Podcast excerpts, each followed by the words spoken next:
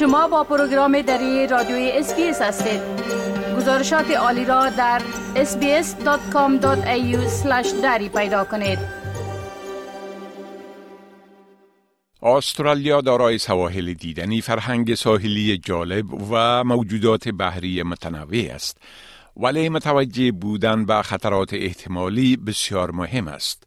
موجودات بحری مختلف مانند جلی فیش نیشدار، ماهی های گزنده و انواع متعدد کوسماهی یا شارک در این آبها زندگی می کنند که مستلزم توجه و نظارتند.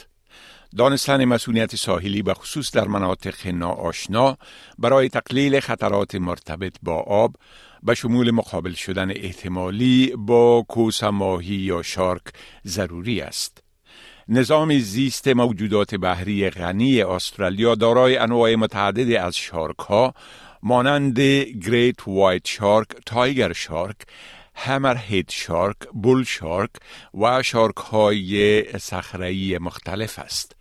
این موجودات برای حفظ صحت و تعادل بحری حیاتی هستند و به حیث شکارچیان و لاشخورها عمل می کنند. دکتر پال بوچر دانشمند شارک بر نقش حیاتی آنها در حفظ تعادل محیط زیست سیستم های بحری تاکید می کند. Sharks are often referred to as apex predators, which means they are at the top of the marine food chain.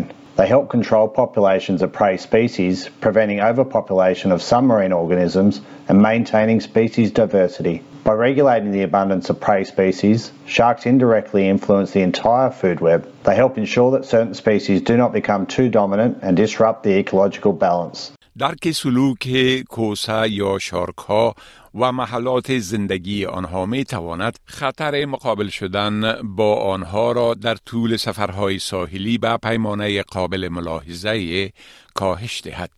دکتر بوچر یک دانشمند تحقیقاتی ارشد در وزارت صنایع اولیه نیو ساوت ویلز است. تحقیقات او بر فراهم کردن یک پایگاه علمی برای برنامه حفاظت از شناگران به خاطر تقلیل خطر رویارویی با کوسه ها برای کسانی که به سواحل بحری نیو ساوت ویلز می روند متمرکز است. It's essential to recognise the importance of these creatures in maintaining the health of our oceans and the broader environment. Despite their intimidating appearance, sharks are truly wondrous animals that deserve our respect and protection. By regulating the populations of species lower down the food chain, sharks help maintain the balance of marine ecosystems. This in turn has a cascading effect on the health of oceans, which are critical for the overall health of the planet. دکتر بوچر می‌گوید که در نیو ساوت ویلز کوسه های white sharks را در امتداد سواحل بحری بین ماهای می و نوامبر کوسه های bull sharks را از اکتبر تا می هر سال و کوسه های tiger sharks را در هر وقت سال می توان با فراوانی مشاهده کرد. There is nothing formally recognised as a shark season in New South Wales. Sharks are present in New South Wales waters all year, with white sharks present over a wide range of sea surface temperatures and bull sharks present when water temperatures are above 20 degrees. White sharks are more likely to be present within a kilometre of our coast in the middle of the day from about 11am, while bull sharks are most likely to be present throughout the afternoon from midday and throughout the night. شارک ها بخش طبیعی بحرهای ما هستند.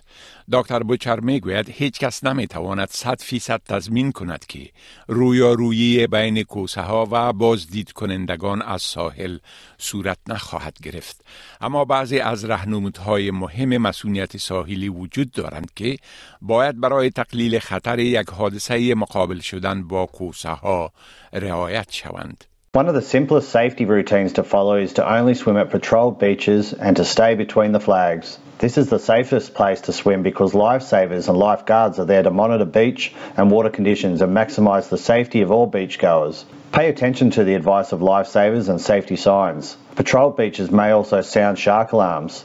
You should always leave the water as soon as an alarm is sounded or a shark is spotted. Try to avoid surfing by yourself or when there are plenty of bait fish and diving birds about. این توصیه حفاظتی ساحلی که مسئولترین محل ساحل ساحه تحت نظارت بین بیرق های سرخ و زرد است از جانب دکتر جز لویس دانشمند تاثیرگذار محیط زیست و محقق مسئولیت ساحلی تکرار شده است. او به آنچه که هنگام تعامل انسان با محیط رخ می دهد علاقمند است و تیم تحقیقاتی را در نهاد سرف لایف سیوینگ استرالیا رهبری می کند. The safest part of the beach is the supervised area between the red and yellow flags, where trained surf lifesavers and lifeguards keep a lookout for sharks and any other hazards. The best advice and safety tips to reduce the risk of being bitten by a shark are really to avoid swimming after dusk, during the night, or before dawn. We also recommend to swim with a buddy, that is, like avoid swimming by yourself. اگر در بحر هستید و در یک وقت نادر شارک به شما نزدیک می شود به خاطر آوردن آگاهی از سلوک شارک می تواند ارزشمند باشد. For the most part, a shark will show no interest in a human and will just look at them as they swim past. However, if you are in the water and see a shark approach, depending on the situation, you can observe and respond to a shark's behavior. If it appears excited or agitated, showing quick, jerky movements or other erratic behavior, leave the water as quickly and calmly as possible. Try to minimize splashing and noise and do not provoke or harass or entice a shark. دکتر پال بوچر میگوید یادآوری این نکته ضروری است که حملات کوسه ها نسبتا نادرند اما خوب است که آماده باشید و بدانید که در صورت برخورد با کوسه در آب چگونه واکنش نشان دهید Encountering a shark while in the water can be a frightening experience, but it's essential to remain calm. If you need to move, do so slowly and smoothly. Try to back away while maintaining eye contact. Make sure you don't turn your back on the shark. If you're swimming or snorkeling, try to stay vertical in the water. Sharks typically attack from below, so reducing your profile can be helpful. If you're with others, gather in a group. Sharks may be less likely to attack in a larger group of people. دکتر بوچر می‌گوید اقداماتی هم وجود دارند که می توانید قبل از ورود به آب انجام دهید که در تقلیل خطر حادثه کوسه یا شارک کمک می کند. Some of the risk mitigation is at a personal level, including considering the use of personal shark deterrents. Independent testing of some commercially available products during and since the shark management strategy confirmed that none are 100% effective. but two products were demonstrably better than others, reducing interactions with white sharks and bull sharks by about 60%. و دکتر لوئیس میگوید درباره ساحلی که در نظر دارید در آن شنا یا موج سواری کنید اطلاعات به دست بیاورید. We generally recommend that people visit beachsafe.org.au or download the BeachSafe app to learn more and plan how to stay safe at the beach, especially if they are heading somewhere new or unfamiliar. If you have any questions or concerns while you're at the beach, go and say hi to one of our friendly surf lifesavers or lifeguards. They'll be very happy to help you. استرالیا خوشبخت است که یک شبکه وسیع متحد ملی ناجیان غریق موج سواری و نجات غریق به نام سرف لایف سیوینگ استرالیا را دارد که از بازدید کنندگان از ساحل محافظت می کند. این بدان معناست که امن ترین محل برای آببازی بین بیرقهای سرخ و زرد است و امن ترین محل برای موج سواری در مجاورت یک محل تحت نظارت می باشد. Surf lifesavers and lifeguards are professionals who are highly trained to keep beachgoers and anyone in the water safe.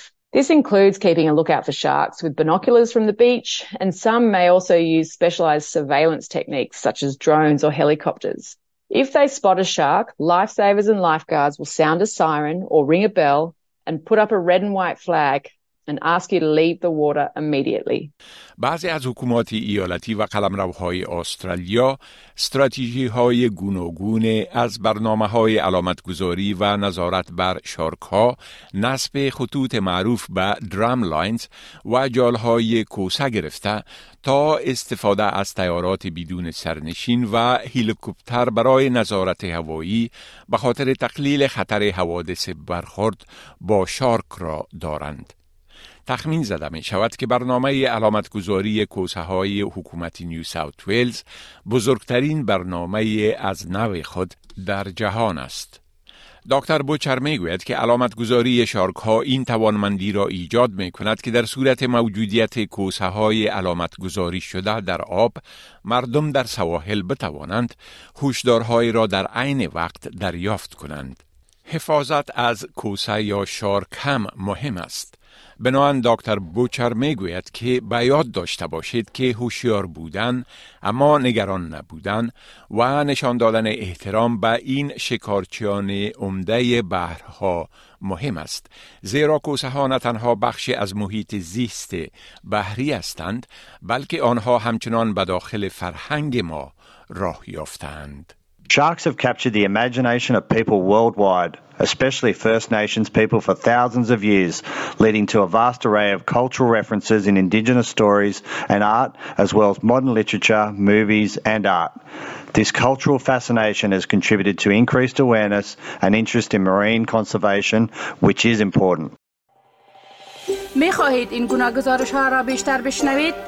با این گزارشات از طریق اپل پادکاست، گوگل پادکاست، سپاتیفای و یا هر جایی که پادکاستتان را می گیرید گوش دهید.